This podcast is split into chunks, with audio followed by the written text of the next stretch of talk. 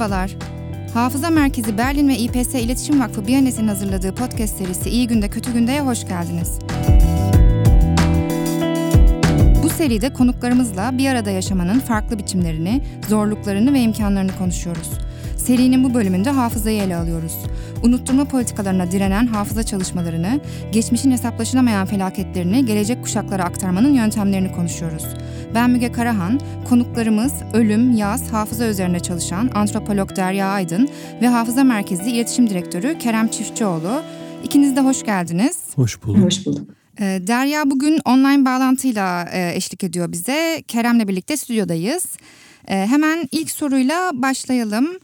Ee, Derya sen İsrail'de Zohrot adlı kurumun çalışmalarına katıldın. Zohrot, Nakba'ya dair geçmişle yüzleşme ve hafıza çalışmaları yürütürken yeni hatırlatma yöntemleri ve araçlarına başvuran bir kurum. Örneğin işgal edilen bölgelere hafıza turları düzenliyor. Bize biraz buradaki Nakba'ya dair çalışmaları anlatır mısın? Bu çalışmalar sence nasıl bir alan açıyor, nereye ulaşıyor ve Türkiye'nin hafıza sahasına dair neleri gösteriyor? Zohrot'taki çalışma tecrübenden yola çıkarak Türkiye ve İsrail'i karşılaştırmak aklına neleri getiriyor? Nakba aslında bir felaket. 600 e, Filistin yerleşkesinin e, yerle bir edilmesi, e, dönemin nüfus, e, Filistin nüfusunun yüzde sekseninin o dönem e, zorla yerinden edilmesi, Ürdün, Lübnan ve Suriye gibi yerlerde mülteci haline gelmeleri, yani zorunlu göç ve yıkımla ilgili bir süreç aslında Nakba. E, tabii e, e, Zohrot e, aslında 1948 Nakba sonrasında yaşanan dönemin hakikatine dair bir araştırma yapan bir kurum. Nakba'da yaklaşık 75 yıl önce oradan neler olduğuna dair somut olarak verileri ortaya koymak açısından Zohrot çok önemli bir kurum. Çünkü aslında bütün ülkelerde olduğu gibi İsrail e, devletinin de geçmişe dair anlatısı, resmi anlatısı hakikatleri tamamıyla e, çarpıtmaya ya da o resmi tarih anlatısı içerisinde olan bitenleri görünmezleştirilmeye ya da o, o hakikati sessizleştirmeye dönüp bir politika yürütüyor. Birkaç örnek vermek istiyorum. 1948'den sonra dünyanın farklı yerlerinden Amerika'dan, Batı'dan, Kanada'dan ama aynı zamanda Orta Doğu'dan, Afrika'dan insanlar İsrail'e geldiklerinde, buralara yerleştiklerinde aslında o 600 yerleşim yeri dediğimiz Filistin yerleşim yerlerinin yerine üstüne doğrudan yerleşmiyorlar. Yani aslında o yerleşim yerleri tahrip ediliyor, yıkılıyor ve çoğu yerde çok ilginç bence üzerine ormanlıklar inşa ediliyor ve yeni yerleşim yerlerine yerleştiriliyorlar gelenler. Uzun süre örneğin kuzey özellikle Kürdistan bölgesi dediğimiz Güney Kürdistan'da Musul gibi yerlerden giden Kürtlerle ben görüşmüştüm. Geldikten sonra uzun süre çadırlarda bekletilip yeni köyler inşa edilip oralara yerleştiriliyorlar. Dolayısıyla aslında ha, yani şunun için çok önemli. Yeni bir köyü inşa ettiğinizde eski köyün üzerine yeni bir yerleşim yeri kurmadığınızda siz aslında o hafızayı tümden yok ediyorsunuz. Aynı zamanda mezarlıkların ve yerleşim yerlerinin ormanlıklarla kaplanması e, Filistin coğrafyasında İsrail'in yaptığı yaygın bir e, hafıza kırım yöntemi. Zohrot'un kelime anlamı da İbranice'de e, hatırlamak demek. Zohrot bir dernek 2002'de kurulmuş ama e, derneğin e, e, geniş e, çalışmaları var. E, eski yerleşim yerlerinin e, e, kimlere ait olduğunu, oralarda işlenen suçları, orada insanların zorla yerinden edilmesini, mekanların zamanda kimlere ait olduğunu gösterme gibi aslında bazı materyaller oluşturmaya çalışıyorlar. Gidiyorlar oralara, o yerleşim yerlerine turlar düzenliyorlar. Örneğin çoğu yerleşim yerinin yok edilmemiş olsa da e, İbranice'leştirilmiş aslında yerleşim yerleri. Oralara e, eski isimlerinin yazılı olduğu tabelalar asıyorlar. Ya da bazı evlerin önüne ya da bazı mekanların, mezarlıkların da olabilir. E, şu an orada olmayan, kamplarda olan ya da hayatını kaybetmiş olan Filistinlerin devasa görsellerini bırakıyorlar oralara. Çok etkili yöntemler e, e, olduğunu ben düşünüyorum. Sadece tur yapıp geri gelmiyorlar. Oraların datasını sözlü tarih anlatısı yoluyla toplayıp materyaller oluşturuyorlar ve eğitimler düzenliyorlar. Örneğin lise öğretmenlerinin tarih derslerine davet edip Nakba sonrası tarihe ilişkin bir e, e, çalışma yapıyorlar. Bir diğer önemli yaptıkları çalışma şuydu. Nakba Map oluşturmuşlar. Aslında e, Amerika'da ya da dünyanın farklı yerlerinde yaşayan ama Filistin tarihini yakından takip edip bilen tarihçilerin hazırladığı metinler de var. Oralarda Nakba önce öncesi ve sonrası o yerleşim yerlerinin nüfusunu, kimlerin yaşadığını, nasıl dönüştüğünü, hangi dillerin e, yaşadığını, daha önce kültürlerin yaşadığına dair Nakba Map'e işliyorlar. Aslında bu açıdan da devletin resmi tarih yazımına karşı direnenlerin tarihini yeniden e, inşa etmek açısından çok çok önemli. Aynı zamanda bu hafıza turlarında kişisel tanıklıklarla aslında o e, İsrail'de önemli oranda yerleşmiş resmi kolektif hafızaya karşı yeni bir hafıza e, ortaya koyuyorlar. E, sorunuzdaki Türkiye ile ilgili bağlamına baktığımda aslında şöyle e, Türkiye'de de bütün bir Türkiye coğrafyası göz önünde bulundurulduğunda ciddi bir hafıza kırımı söz konusu olduğunu görmek mümkün. Türkiye'nin her tarafı öyle Ege'sinden Akdeniz'ine Karadeniz'ine kadar e, her tarafında aslında gitmiş olanların orada yaşadıklarına dair önemli oranda e, kalıntılar ortadan kalkmış e, görünüyor. Ben birazcık Kürdistan özeline odaklanarak bakmak istiyorum. Örneğin e, aslında hani Filistin e, örneğine baktığımızda bir yerleşimci sömürgeciliğin söz konusu olduğunu, Filistin haritasının adım adım küçüldüğünü görmek mümkün ve bu böyle de okunuyor aslında. E, ama işte e, Kürdistan'a dönüp baktığımızda özellikle Türkiye bölümüne, Kuzey Kürdistan olarak ifade edilen bölüme baktığımızda bu türden kavramlarla çok ifade edilmiyor. Ancak yani sömürgecilik gibi bir kavramla ifade edilmese aslında e, tarih boyunca İskan politikalarından e, umumi müfettişlere sonrasında 90'ların zorunlu göçünden e, köy yakmalar ve köy boşaltmalar boşaltmalarına ve en son belki de e, kent savaşlarında kentlerin yıkımından kayım rejimine kadar aslında benzer bir sürecin söz konusu olduğunu e, görmek çok zor değil. O açıdan şunu diyerek bitireyim. Biz aslında e, hafızayla ya da geçmişte yüzleş, yüzleşme ve adalet meseleleriyle ilgili konuştuğumuzda Türkiye'de e, daha uzak örnekler üzerinden konuşmak belki kolaylık sağlayabiliyor ama kendi coğrafyamızda yaşananlar arasındaki o bağlantıları kurmak, yüzleşme ve adalet tayin etmek o kadar kolay olmayabiliyor. O açıdan da aslında devletin o yerleşik kodlarının e, aşılması, kırılması ve onlarla yüzleşmek çok kolay olmuyor. Küçücük bir örnek vererek bitireceğim bu soruya cevabı. Örneğin ben bu araştırma kapsamında aslında DVD International'ın fonladığı bir projeyle gittim İsrail'e. Beraberce diye bir dernek beni gönderdi yani onların aracılık ettiği proje. Ben e, kendi e, bu bu meseleye ilişkin yazdığım makalede e, Sur'la e, orayı benzettiğim için o benzerliği e, yazıdan çıkarmamı istediler ve ben çıkarmadığım için yayından kaldırıldı ve ben proje dışı kaldım. Bunu şunun için söylüyorum, kişisel bir mesele olarak okumadığım için söylüyorum. Ee, yani e, hafıza meselesi aslında e, somut olarak taleplerin ortaya konulması, e, geleceğin e, inşası ve geçmişle hesaplaşma ve onarma meselesinde çok çok önemli bir adım. O yüzden adalet tayin etmek açısından taleplerin somut olarak ortaya konulması, dünya örnekleri arasında bağlantıların kurulması e, hayati bir önem taşıyor e, diyerek diyerek bitireyim bu bölümü. Evet İsrail'den bir geçmişle yüzleşme örneğiyle başlayarak genel olarak biraz hafızanın işlevine, hafıza mekan ilişkisine, e, hafıza kırımla mücadele yöntemlerine doğru ilerledik. Buradan devam edelim. Biraz daha e, yöntemler üzerine konuşalım. Kerem sen e, 2014'ten beri hafıza merkezindeki çalışmaların içindesin. Hafıza merkezinde örneğin zorla kaybetmeler gibi çok zor bir konu üzerine belgeleme çalışması yapıyorsunuz. Bir yandan da bu şiddeti gelecek kuşaklara aktarmanın yeni yolları üzerine düşünüyorsunuz. Özellikle senin içinde yer aldığın çalışmalar e, zor konuları nasıl anlatırız sorusuna cevap ararken e, umut temelli aktivizm ve umut temelli iletişim yöntemlerine başvuruyor. E, bu umut temelli yöntemler geçmişle hesaplaşma bağlamında ne gibi imkanlar sağlıyor, ne vaat ediyor? Bu çalışmaların sınırları ve olası sorunları neler sence? Çok teşekkürler. Ee, ben bu soruya cevap verirken bana çok ilham veren e, birkaç sene önce duyduğum, dinlediğim Sema Semi adlı bir arkadaşımın bir atölyede anlattığı e, bir e, masaldan örnek vererek başlamak istiyorum. Bu masal hakikat ve hikayenin masalı. Ee, masalda bir zamanlar yaşlı bir kadın varmış. Zamandan daha yaşlıymış bu kadın. Saçları bembeyaz ve upuzun, tırnakları uzun, e, derisi buruş buruşmuş. E, tüm çıplaklığıyla insanların arasında gezer dururmuş. E, sokak sokak, şehir şehir, ülke ülke gezermiş. İnsanların arasına karışır, onlarla muhabbet etmek istermiş. Ama onu görenler arkalarına bile bakmadan kaçarlarmış. Hatta ona epey de kötü davranırlarmış. Günlerden bir gün e, yaşlı kadın bir köy meydanına varmış. Gördüklerine inanamamış burada. İnsanlar toplanmışlar bir çemberde oturuyorlar. Ortada ateş yanıyor ve nefes dahi almadan birisini dinliyorlar. Dinledikleri kişi de çok yaşlı bir kadınmış.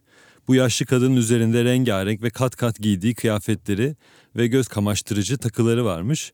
İnsanların arasında oturmuş sürekli bir şeyler anlatıyormuş. Çıplak kadın merak etmiş o da dinlemek istemiş. Ee, yaşlı kadının geldiğini gören bir çocuk ona doğru parmağını uzatmış. Herkes kafasını onun geldiği yöne çevirmiş ve onu gördükleri anda çığlıklar atıp arkalarına bile bakmadan kaçmışlar. Bir tek renkli kıyafetleri içindeki yaşlı kadın kalmış. İki kadın sohbet etmeye başlamışlar. Senin adın ne demiş renkli giysiler içindeki kadın? Çıplak olan cevap vermiş. Hakikat. Peki senin adın ne diye sormuş hakikat. Benim adım da hikaye demiş diğeri. Hakikat demiş ki uzun zamandır insanların arasında gezer dururum. Muhabbete hasret kaldım. Çok yaşlı olduğum için hiç kimse beni sevmez benden kaçar. Sen kaçmadın ama çok sağ ol demiş. Hikaye e, insanlar senden yaşlı olduğun için kaçmıyor. Ne, neden kaçıyorlar biliyor musun? Çünkü çıplaksın. Hiç kimse çırılçıplak bir hakikat ile karşılaşmak istemez demiş. Buna kimse dayanamaz. Ve üzerindeki renkli giysilerden birisini çıkarıp ona vermiş. Hakikat hikayenin renkli giysilerinden birini giymiş, takılarını takmış. Böylece taşın üstünden oturup keyifli bir muhabbete ikisi dalmışlar.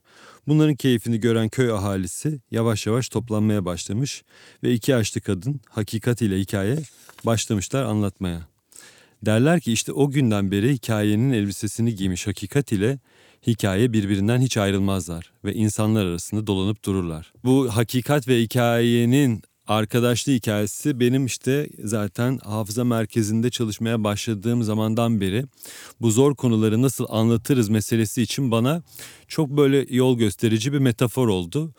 Ee, senin de dediğin gibi hafıza merkezi zorla kaybetmeler olgusu üzerine çalışıyor ve bu konu etrafındaki sessizlik ve cezasızlık zırhını delmeye çalışıyor.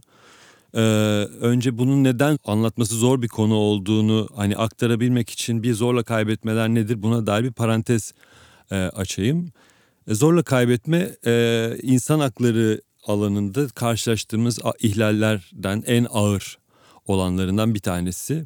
Hedef aldığı kişi ve grupta e, alıkoyduğu kişilerin akıbetine da, dair bir belirsizlik yaratmak kaydıyla e, o kişinin etrafındaki e, grupta ve o kişinin kendi hayatında da e, bir sindirme aslında dışarıya yönelik verdiği bir sindirme e, mantığı barındırıyor. Zorla kaybetme modern anlamda ilk e, işte örneğini belki e, Nazi Almanyası, Hitler Almanyası'nda gördüğümüz bir şey. E, Türkiye'de de yani bu 24 Nisan 1915'te Ermeni kanaat önderlerinin sürgün edilmesine ne kadar götürülebiliyor başlama noktası olarak ama muhtemelen çok daha kadim bir şiddet yöntemi bu belirsizlik üzerinden bir sindirme mantığı. Ee, biz de yani e, Türkiye'de de aslında bu e, devlet şiddet geleneği yani 1980 darbesinde de gördüğümüz bir şey. Bu, bu tarihten itibaren e, işte daha çok sol örgütlü mücadeleye yönelik gördüğümüz bir şey. E, fakat e, e, işte Türk Silahlı Kuvvetleri ile e, Kürdistan İşçi Partisi arasında 84'te başlayan silahlı mücadele ile beraber Kürtlere yönelik en sistematik e, biçimini aldı ve biz de hafıza merkezinde daha çok bu dönemden itibaren 1980'den başlayıp daha çok aslında e, çatışma bağlamında gerçekleşen sivillere yönelik bu kaybetme e, ihlalinin e, sistematik örüntüsünü araştırdık, belgeledik. E, şimdi anlatma konusuna dönersek aktarma anlatma. Yani böylesine ağır bir ihlalle ilgili iletişimi nasıl yaparız? Anlatmayı nasıl yaparız? Hep yani ben işte 2014'te Hafıza Merkezi'nde başladığımdan beri hani bu soru üzerine düşünürken e, farklı yöntemlerle e, tanıştım. Farklı yaklaşımlarla tanıştım. Bunlardan da işte en son tanıştım senin e, referans verdiğin umut temelli iletişim. Bu umut temelli iletişim diyor ki insan hakları iletişimini aslında korku ve tehdit değil, umut ve fırsatlar üzerine e, kurmalı. Ee, insan hakları örgütlerinin iletişimi de bizim yani ta- tanık olduğumuz, gördüğümüz çoğu zaman umutlu olmaktan çok kızgın ve karamsar olmak için aslında sebep sunan şeyler ve bu da aslında çok aşikar, çok anlaşılır, çok doğal. Ee, belgelediğimiz olayları yorum katmadan olgusal olarak aktardığımız, paylaştığımız durumda bile zaten son derece karanlık bir tabloyla ilgili haber veren, e, belgeleme yapan, ifşa yapan e, yap- yapılarız e, misyon olarak. Ee, ama bir taraftan da şöyle bir gerçek var inkar edemeyeceğimiz. Ee, insanlara ancak bir miktar umut aşılayarak e, onları aslında mücadeleye kazanabiliriz. Ee, ve bu aslında misyonu her gün gerçekleşen ağır ihlalleri ifşa etmek olan hareket için ne anlam ifade ediyor? Bu yani zor bir e, zor bir e, ödev gerçekten. Ödev belki ödev mi demek gerek bilmiyorum ama zor bir konu yani bu e, bu soruya cevap vermek. Benim çıkarımımsa şu karanlık ne kadar fazla basmışsa ne kadar fazla karanlık olmuşsa umudun ışığını yakmakta bir o kadar önemli hale gelmiş demektir. Bu da yani umut iletişiminin aslında burada söylediği şey ütopyanızı unutmayın. Geçmişte ve bugün olanları kaydederken olmasını hayal ettiğiniz e, geleceğin hayalini ihmal etmeyin. Bunu hayal etmeye devam edin. Çünkü bu hayal gücü aslında biraz e, pratikle e, işte e, ve e, egzersiz belki biraz işte vücut kaslarımız gibi zihin kaslarımızın bunu yapmaya e, yapmasıyla tekrar tekrar yapmasıyla aslında canlı kalan bir şey. E, bunun içinde umut temelli iletişim şöyle bir rehber birkaç adımda sunuyor. Öncelikle korku değil umut hissini beslemek gerek diyor ağır ve travmatik ve felaketlerle ilgili hakikatleri paylaşırken bunu bir umut perspektifiyle dengelemediğimiz zaman ister istemez insanlar beyinlerinin daha primitif taraflarındaki e, reaksiyonlara yöneliyorlar. Ama bizim e, öznerliğimiz ve yapabilirliğimizle ilgili bir sakinliğe ihtiyacımız var ve tam da bu yüzden bu umut hissine ihtiyacımız var. Dolayısıyla bunun alt başlıkları geliyor. Yani problem sadece problemi değil çözüme de işaret etmek. Sadece karşı olduğumuz değerleri değil kendi e, kendi e, önemsediğimiz değerlerin üzerinde durmak. Sadece bir e, yanlışlama içinde olmak değil ya da tehditler e, kadar e, fırsatlardan bahsetmek diye bu gidiyor. Sınırlar konusuna gelirsek de yani bu bu yaklaşımın dikkatli ele alınması gerektiği kesin. Özellikle ağır insan hakları ihlalleriyle ilgili e, çalıştığımız bir yerde bu yaklaşımı çok böyle yüzeysel bir taktiksel anlayışla e, ele aldığımızda e, bu biraz yapaylık hissi verecektir. E, daha da önemlisi aslında yani bu umudu arama meselesi yas, üzüntü, öfke gibi duyguların e, önünü kapatmak, üzerini örtmek anlamına geldiği zaman bu aslında e, çok da büyük bir yani bir yani e, saygısızlık anlamına gelebilir. Yani bu Holocaust, soykırım, zorla kaybetmeler gibi ağır felaketlerin tecrübesini yaşamış e, insanların deneyimine e, saygı göstermek, bunun e, e, bunun yası için e, alan açmak vesaire bunları yani bunları bun, bunlarla bu umut yaklaşımı arasında bir dengeyi çok dikkatli bir şekilde tabii bu çalışma alanında çalışırken e, gözetmek gerekiyor. Umudu korumak, kendi hikayelerimizi anlatabilmek, farklılıkları da gözden kaçırmadan ortak noktaları yakalayabilmek aslında başka bölümlerde, başka başlıklar altında da konuştuğumuz konular. Çünkü gerçekten bir arada yaşamanın temeli bunlarla kuruluyor ve hani hafıza da bunun çok e, e, temel bir yerinde duruyor. Yani nefrete, korkuya, ırkçılığa hani her türlü ayrımcılığa karşı yürütülen mücadelenin hemen sonuçlanacak bir şey, bugünden yarına sonuçlanacak bir şey olmadığını aslında buradaki hani amacın bir birikim yaratmak, hani e, gelecek nesillere aktarılacak ortak bir miras yaratmak olduğunu başka programlarda diğer konuklarımız da dile getirmişti. Bunun güzel bir örneğini yakın zamanda bir belgeselde izledim ben de. Kadının İnsan Hakları Yeni Çözümler Derneği'nin bir video belgesel serisi var. Kalabalığı Hatırla başlıklı. Ee, bu dizinin İstanbul Sözleşmesi konulu ilk bölümünün sonlarında LGBT artı aktivisti gazeteci Yıldız Star ilk katıldığı onur yürüyüşlerinde sayıca 500 ila 1000 kişi olduklarını bu sayının 2013-2014'e gelindiğinde ise 100 binleri bulduğunu aktardıktan sonra şunu ekliyor. Ee, bu 8 Mart gece yürüyüşündeki o meşhur dövizdeki umutsuzluğa kapılırsan bu kalabalığı hatırla sloganının yazdığı o meşhur dövizdeki o slogana atıfta bulunarak ama bunu biraz da tersine çevirerek e, kendisinin umutsuzluğa kapıldığında o kalabalıkları değil e, ilk onur yürüyüşlerinde daha az kişi e, oldukları günleri hatırladığını söylüyor. Çünkü hani iktidarların yapmak istediği de aslında bu. Bu değişimi unutturmak, bu hafızayı silmek. O gün o kadar kişiyken hani ısrar ve inatla e, bu mücadeleyi buraya taşıdıysak, yüz binlere ulaştıysak bugün aslında neler yapabiliriz? Bu anlamda da umudu diri tutmak, e, bu mücadeleyi bir yerlere taşımak için e, çok önemli ve bunun için de tabii ki hafızaya ve hatırlamaya ihtiyaç var. Tabii e, şimdi biraz daha bu umut temelli yöntemlerden konuşmaya devam edip örnekleri biraz açabiliriz belki.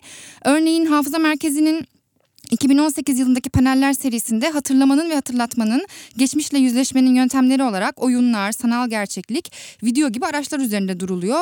Ee, bu yenilikçi yöntemlerden biraz bahsedebilir misin bu örneklerden ve hafıza çalışmalarının neden bu yenilikçi anlatım biçimlerine, yöntemlerine başvurduğunu anlatır mısın? Ee, ben yine yani bunu anlatmaya başlarken biraz kendi hikayem üzerinden devam etmek istiyorum. Ee, yine işte e, burada geçirdiğim yıllar içinde e, genel bu hafızayı bu bahsettiğimiz konuştuğumuz çok boyutlu e, geçmiş ve geleceği yası ve diyaloğu işte felaketi ve umudu beraber ele alan yenilikçi yaklaşımlarla e, ilgi duyarak e, bağlantılandırmaya çalıştım.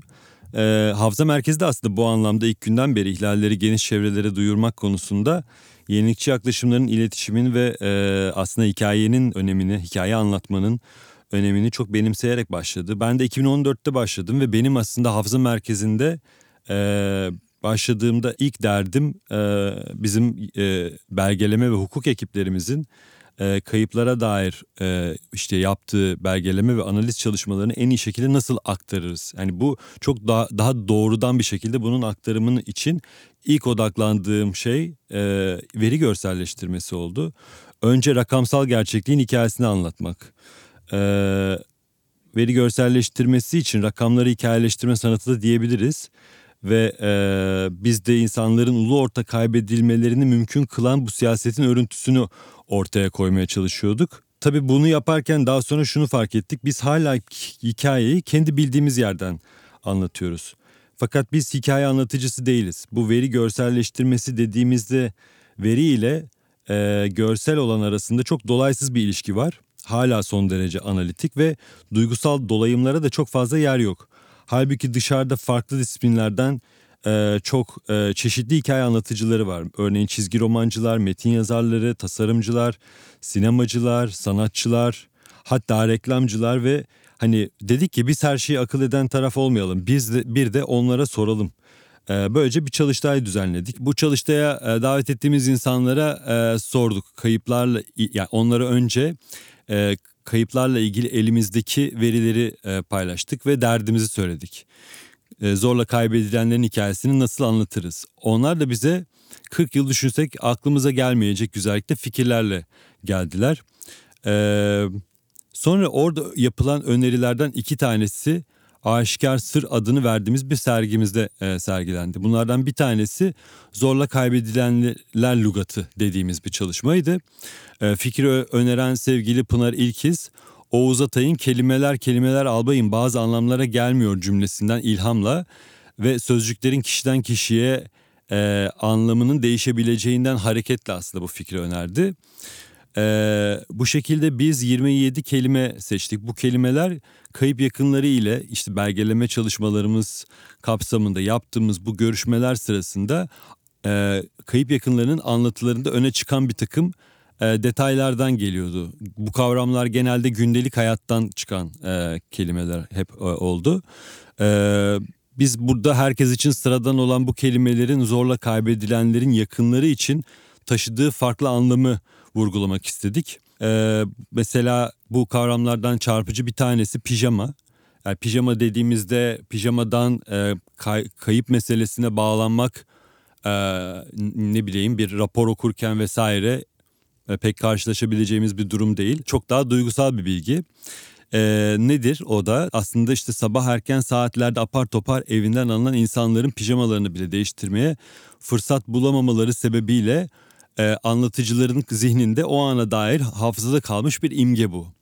Ve aslında çok da detaylı bir şekilde hatırlanan e, bir imge. Yani çalışmalardan bir tanesi, önerilerden bir tanesi çıkan buydu. Bir başkası da e, fotoğrafçı Anıl Olcan'ın önerdiği bir fikirdi. Bu da e, kayıp yakınlarının fotoğraflarının ufak mermer taşlara basıldığı bir minik min, e, minik çaplı, ufak çaplı bir anıtlaştırma e, çalışmasıydı.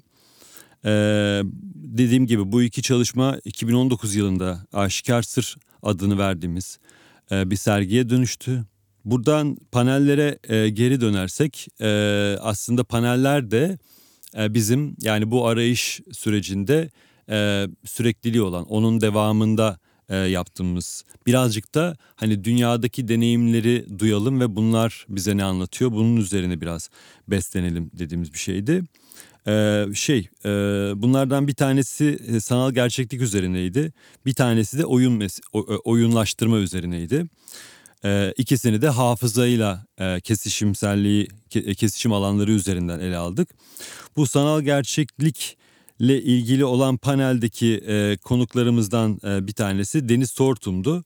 Onun Eylül 1955 adlı sanal gerçeklik belgeseli üzerinden e, aslında işte onu onu anlattı ama aynı zamanda sanal gerçekliğin nasıl bir hafıza mecrası olarak düşünülebileceği üzerine de e, üzerineydi konuşması. Onun bu e, 8 dakikalık bir e, sanal gerçeklik belgeseli İstanbul pogromunu e, bu 6-7 Eylül 1955'teki e, pogromun e, deneyimini aslında anlatan 8 dakikalık bir belgesel. E, burada aslında işte bu Meryem e, Şahinyan ve Osep e, Minasoğlu'nun e, bu Ermeni fotoğrafçıların e, fotoğraflarından, fotoğraf arşivinden aslında yola çıkıyor. O fotoğraf stüdyosunun içine giriyoruz sanal gerçeklikte. Ve o fotoğraf stüdyosunun duvarında pogromun faillerinin silüetlerini görüyoruz. Ve pogromun seslerini duyuyoruz. Burada bu işte hani sanal gerçeklik hafıza meselesi yani e, orada ziyaretçiyi pogrom deneyiminin içine e, sokma e, imkanı e, sunuyor olması çok çarpıcıydı. İkinci bir panelimiz de oyunlaştırma üzerineydi. İşte burada Derya'nın bahsettiği Zohrot'tan bir katılımcı vardı. E, Amaya Galili. E, o da işte e, Zohrot'un eğitim departmanında çalışıyordu. 2016 yılından beri de onlar eğitimciler, sanatçılar, öğrenciler ve oyun tasarımcılarını bir araya getiriyorlar ve işte bu oyun laboratuvarları düzenliyorlar. Nakba'yı anlatmak mesele işte. E, dolayısıyla burada hani o e, şeylerden o deneyimleri anlattı. O, o, o deneyimlerin sonucu ürettikleri kutu ve kart oyunlarını anlattı. Düzenlediğimiz etkinlikler arasında en geniş katılımlı, en fazla merak uyandıran şeyler oldu. Ee, neden diye düşün, düşündüğümde aslında bu kesişimsellik, kesişim alanları üzerine oturması.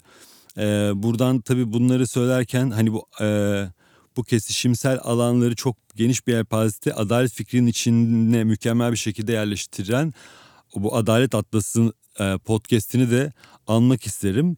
Ben bu kesişimsel alanlar üzerinden demokrasi mücadelesi, insan hakları mücadelesinin ve hatırlama e, çabasının e, farklı aktörlerle beraber genişletilmesini çok önemli e, buluyorum. Yani e, bizim e, hafıza alanının ve insan hakları alanının bu alanın dışındakilerle etkileşim kurması ve onları mücadeleye hani dahil etmesi. E, benim bu şeyden çıkardığım e, derslerden bir tanesi bu. Hatırlamanın pek çok yeni farklı e, yönteminden bahsettin. E, tabii Hatırlamanın çeşitli yöntemleri olduğu gibi unutturmanın da farklı biçimleri var. Hafızamızı silmek için, bir hareketin, mücadelenin e, hafızasını silmek için iktidarlar da türlü yöntemlere e, başvuruyor. Cenaze törenlerinin engellenmesi, ölülerin gömülmesine izin verilmemesi, hatta naaşların yok edilmesi, gizlenmesi e, dünyanın pek çok yerinde eskiden beri tanık olunan olaylar. Derya sen mezarlıklar, anma törenleri, yas ve hafıza üzerine çalışıyorsun. Aynı zamanda Ölüye Saygı ve Adalet İnisiyatifi eş sözcüsüsün. Ee, çalışmalarında ve söyleşilerinde mezarlıkların hatırlama ve hafıza mekanları olduğunu söylüyorsun. Mezarlıkları hafıza mekanı olarak anmanın temel sebebi nedir? Ölülere ve cenazelere yapılan eziyet bugüne ve yaşayanlara dair bize ne söylüyor? Yani biraz zor bir soru ama e, daha doğrusu kapsamlı, zor demeyeyim de. Yani ölümün hafızayla ilişkisine, yaz süreciyle bunun ilişkisinin olduğu arasında bağlantıların olduğunu biliyoruz. Bu bağlantıları biraz anlatmaya çalışacağım. Yani bir insan hayatını kaybettiğinde hani hep öyle düşünmüşümdür ben. E, siz onu bütün geçmişiyle toprağa e, aktarıyorsunuz. Yani onu o hafızayı toprağa aktarıyorsunuz. Dolayısıyla aslında orası bir e, hafıza mekanı aynı zamanda. Zaten şey de vardır bilirsiniz hani çokça hep böyle mekan ve hafıza çalışmaları özellikle kent çalışmalarında mekan ve hafıza iç içe geçen şeyler oluyor. Şey meselesi var e, felsefecilerin çokça mekanı tanımlarken ya da şey e, e, hafızayı tanımlarken bir be- bellek deposu olarak e, şey yaparlar, tanımlarlar. Örneğin e, antik Yunan'da da bu böyledir. Yani o, o, o bellek e, belleğin yerleştiği bir yer varsa o insanı bıraktığımız mezar muhtemelen orası tam da o bellek deposu olarak görmek mümkün. mümkün. Politik ölümlere gelince de yani e, çok sevdiğim bir antropolog e, Catherine Wardrey'in bir sözü var. Diyor ki e, ölüler bir geçmişte önümüzde dururlar. Aslında ölü olsalar da diridirler. Çünkü bütün o onlara onların yaşamlarındaki her şey aslında o ölü bedene e, yansımış halde duruyor önümüzde. Dolayısıyla aslında hani e, mezarlık da ölüm de ve hafıza o kadar iç içe ki çünkü biz aslında ileriye dönük değil her zaman geçmişe dönük hatırlarız. İleriye dönük belki bir şeyleri tahayyül ederiz ama geçmişe dair bir hatırlama ve hafıza söz konusu oluyor. Ve geçmiş dendiğinde çoğu kültürde aslında geçmiş demek e, kaybettiklerimiz, atalarımız, geride kalanlar demek aynı zamanda. Şimdi sorunun ikinci bölümü belki de e, ölülere ve cenazelere yapılan eziyet meselesine ilişkin e, bize ne söylüyor meselesi. Yani e, imgeden söz ettim. Yani aslında hani o mezarlığın ve e, ölünün e, toplumsal açıdan canlı bir imge olduğu ve e, e, o, o şeyi yaptığıyla ilgili aslında hani politik ölümler özellikle söz konusu olunca o imge toplumu harekete geçiren çok ciddi e, güçlü bir imge olabiliyor. O açıdan aslında ölüm hele ki ölüm politik bir ölümse, çatışmada hayatını kaybetmiş bir insansa ya da belli bir amaç uğruna hayatını kaybetmişse ya da devlet tarafından öldürülmüşse onların geride bıraktığı imge e, muazzam bir imge. Az önceki tartışmamız da çok ilgimi çekti. Kendi çalışmamda da odaklardan biri şeydi. Yani genelde özellikle Holocaust ve Ermeni soykırımı e, üzerine e, ya da iki Dünya Savaşı meselesinde ölümler konuşulduğunda hep bir kapanmaya yol açma ve bir toplumu kapatma, bir melankoli e, üzerinden konuşulur ki çünkü çok ağır süreçlerdir. Ancak biz bütün deneyimlerin aynı olmadığını görebiliyoruz. Ben kendi araştırmamda örneğin mezarlıkları 90'larda hayatını kaybetmiş, 2013'e kadar farklı yerlerde defnedilmiş. 2013'te o cenazeleri toplayıp mezarlıklar kurdular. Bu cenazeler PKK'lilere ait cenazelerdi. Örneğin o mezarlıklarda yaz tutma süreci farklıydı. İnsanlar orada sadece ağlamıyordu. Bir araya geliyorlardı, deneyim aktarıyorlardı, geçmişe dair anlatıları vardı. Kimi zaman şarkı söyleyip halay çekiyorlardı. Aslında hani bu bir yönü mezarlıktaki o gö- gö- görüntüler diğer taraftan da insanlar zorla kaybetmelerde ya da sevdiklerinin peşine düştüklerinde mobilize de oldular, örgütlendiler de. Bir direniş hattı oluşturdu aslında bir yerde e, e, e bu yaz süreci ve e, e, bütün bu mücadele süreci. Şimdi devlet bunu biliyor aslında. Tam da bu sebeple ben cenazelere ve mezarlıklara yönelik şiddet uyguladığını düşünüyorum. Çünkü hem bu imgenin toplum nezdinde çok güçlü bir imge olduğunu biliyor. Örneğin e, e, yani şöyle düşünün e, Diyarbakır'da belki de 90'lardaki en büyük Serhil'dan yani baş kaldırı olarak Türkçe çevrilen Serhil'dan Vedat Aydın'ın cenaze töreninde oldu. Sistematik bir şiddet olmasa da belli bir tertibatla bütünlüklü bir politikanın sonucu olarak cenazelere ve mezarlıklara saldırının olduğunu düşünüyorum. Yani şey gibi değil. Örneğin Hatun Tuğlu'nun cenazesine saldırı yapıldığında e, Ankara'da sanki orada bir grup milliyetçi bir araya geldi gibi düşünüldü. Aslında böyle değil. Bu mesele tarihsel bir mesele, tarihi yönü var. Benzer şekilde Kürtlerin e, ilk dönem Cumhuriyet'in kurulduğu dönemki önderlerinin örneğin Şeyh Seyd'in, Seyd Rıza'nın, Seyd Kurdi'nin cenaze yerleri kaybedilmiş ve hala bilinmiyor üzerinden 100 yıl geçtiği halde. Dolayısıyla aslında Türkiye'de makbul e, Türk Sünni e, vatandaş dışında kalan birçok kesimin e, cenazelerine farklı şekillerde, çeşitli biçimlerde eziyetler yapılıyor. Bunlar e, gerilla, PKK'li gerillaların cenazeleri gibi e, sert biçimde şiddetin hedefi haline gelmese de e, Alevilerin de, LGBT artıların da, mültecilerin de cenazelerinin e, çok yönlü biçimde şiddetin hedefi haline geldiğini görüyoruz. Mesela şey bence çok önemli bir e, ayrıntı. Kürtlerin cenazeleri özellikle direnişçi Kürtlerin, mücadele eden Kürtlerin cenazeleri şiddetin hedefi haline geliyor. Ama aynı Kürtler ya da Kürtler diyeyim kendi yaşadıkları yerlerde Ezidilerin mezarlıklarını tahrip edebiliyorlar. Ya da Ermenilerin mezarlıklarını ibadet ibadethanelerini ya da işte mabetlerini, kiliseye, kiliselerini yıkıp e, şey yapabiliyorlar. Dolayısıyla aslında e, şöyle söyleyerek e, toparlamak istiyorum. Biz Yaz meselesini Ölüye Saygı ve Adalet İnisiyatifi'nin bence hafıza merkezinin, cumartesi anneleri eylemlerini ve bu türden bütün mücadelelerin topluma verdikleri temel bir mesajı var.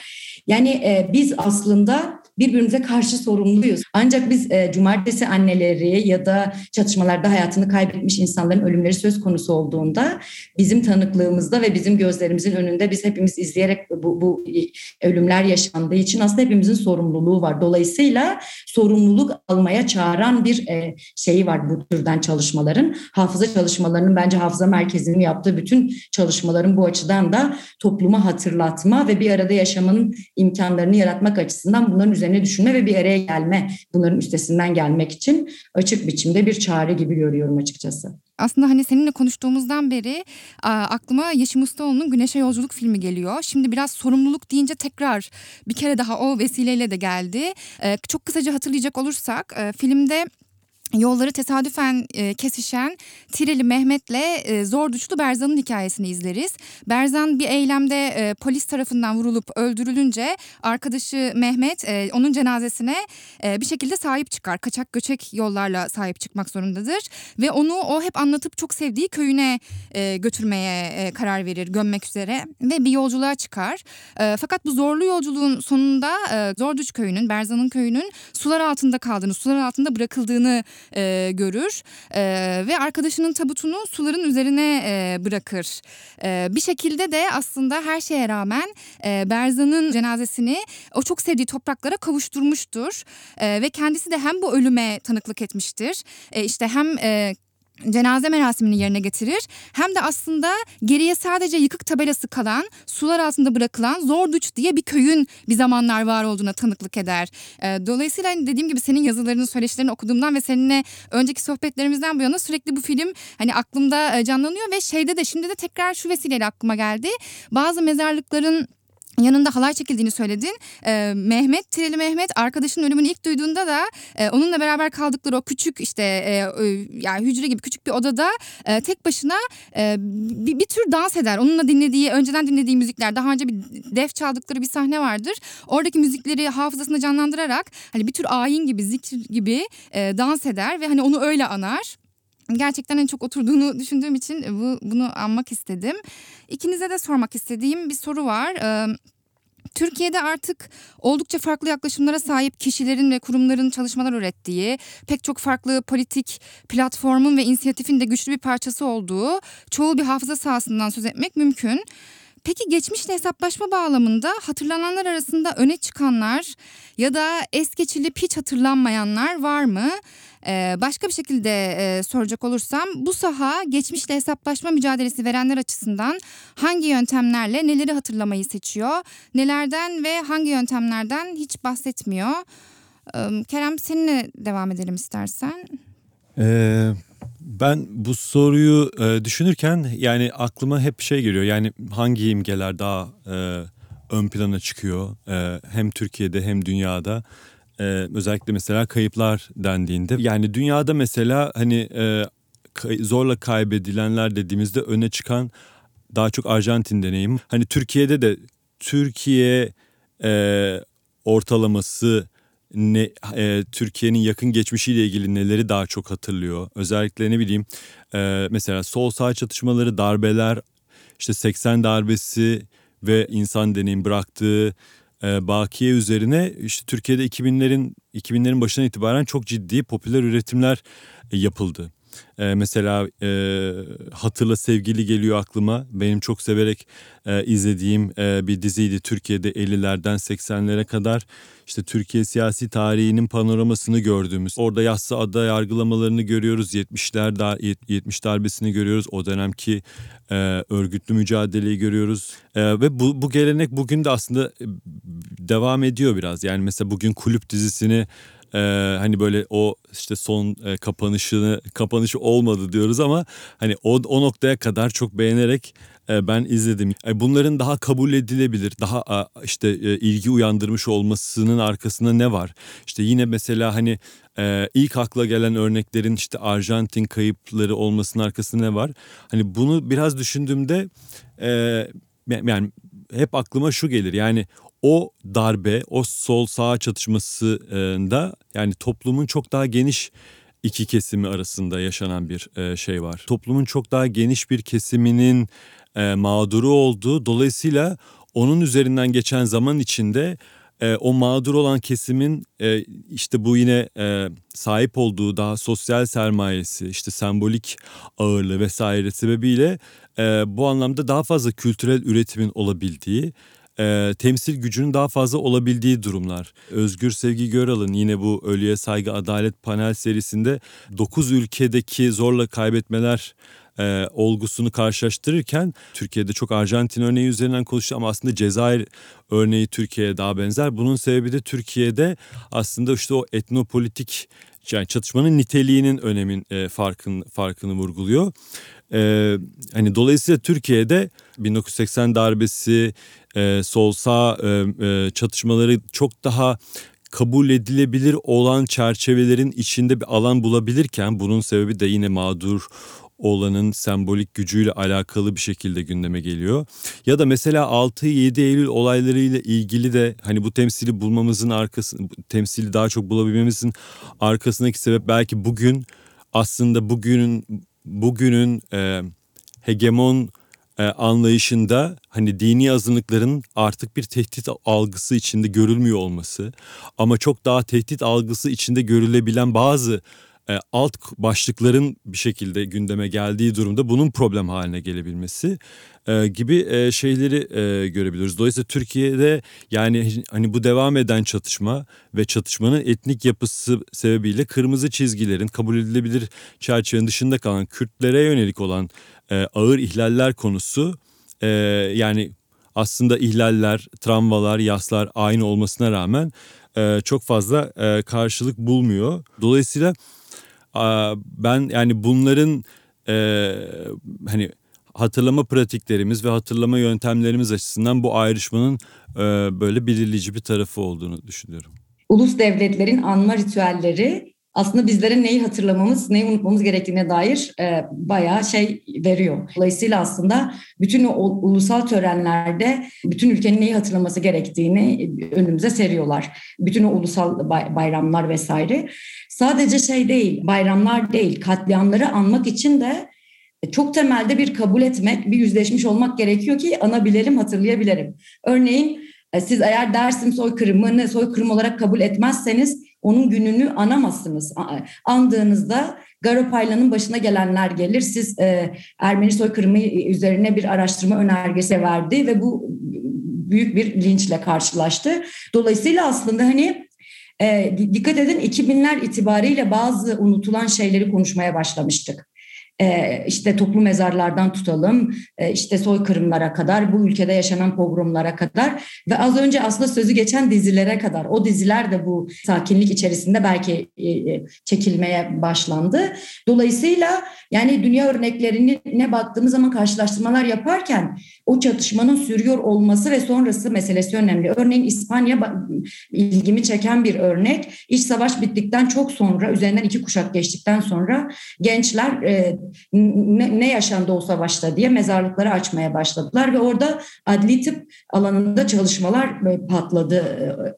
Ama şu çok e, çarpıcı. Mesela 90'ları nasıl hatırladığımız meselesi bence çok e, e, ilginç bir mesele. Çünkü ülkenin bir bölümü farklı hatırlıyor, diğer bölümü farklı hatırlıyor. 90'lar nasıldı? Hep böyle bir nostaljiyle hatır, hatırlanır. Ee, e, özel televizyonlar kuruldu, radyolar kuruldu, pop müzisyenleri çoğaldı, herkes çok eğleniyordu, diziler çekmeye başladı. E, hatta okul e, anlatıları, eğitime dair, sağlığa dair bütün anlatılarda hep böyle bir 90'lar nostaljisi yapılır. Her döneme dair bir nostalji vardır. Ama 90'lar e, şu açıdan çarpıcı, e, Kürtlerin yaşadığı 90'lar başka bir 90'lar. Faili meçhuller, işkenceler, zorla kaybetmeler, köy yakmalar, zorunlu göçler. Bu çok aslında o kadar yakıcı bir örnek e, e olarak önümüzde duruyor ki belli kesimler belli şeyleri hatırlıyorlar. Mesela kendi araştırma e, alanımda da benim en çok aslında üzerine düşündüğüm şu mesele var. Aynı çatışmada hayatını kaybeden insanlar söz konusu. 80'lerin sonlarından günümüze kadar süren PKK ile Türkiye arasından süren çatışmalarda. Düşünün ki aynı çatışmada insanlar hayatını kaybetmiş. Bir tarafın ölüsü şehitlik miti etrafında kamusal alanda kutsanıyor. Ama diğer tarafın ölüsünün e, zaten ölüden sayılmıyor. Leş deniyor. Yaşamı yaşamdan sayılmıyor. Dolayısıyla terörist deniyor, kriminalize ediliyor. Düşünün yıllardır televizyonlarda Türkiye toplumuna inlerine girildi leş e, deniyor, etkisiz hale getirildi filan deniyor.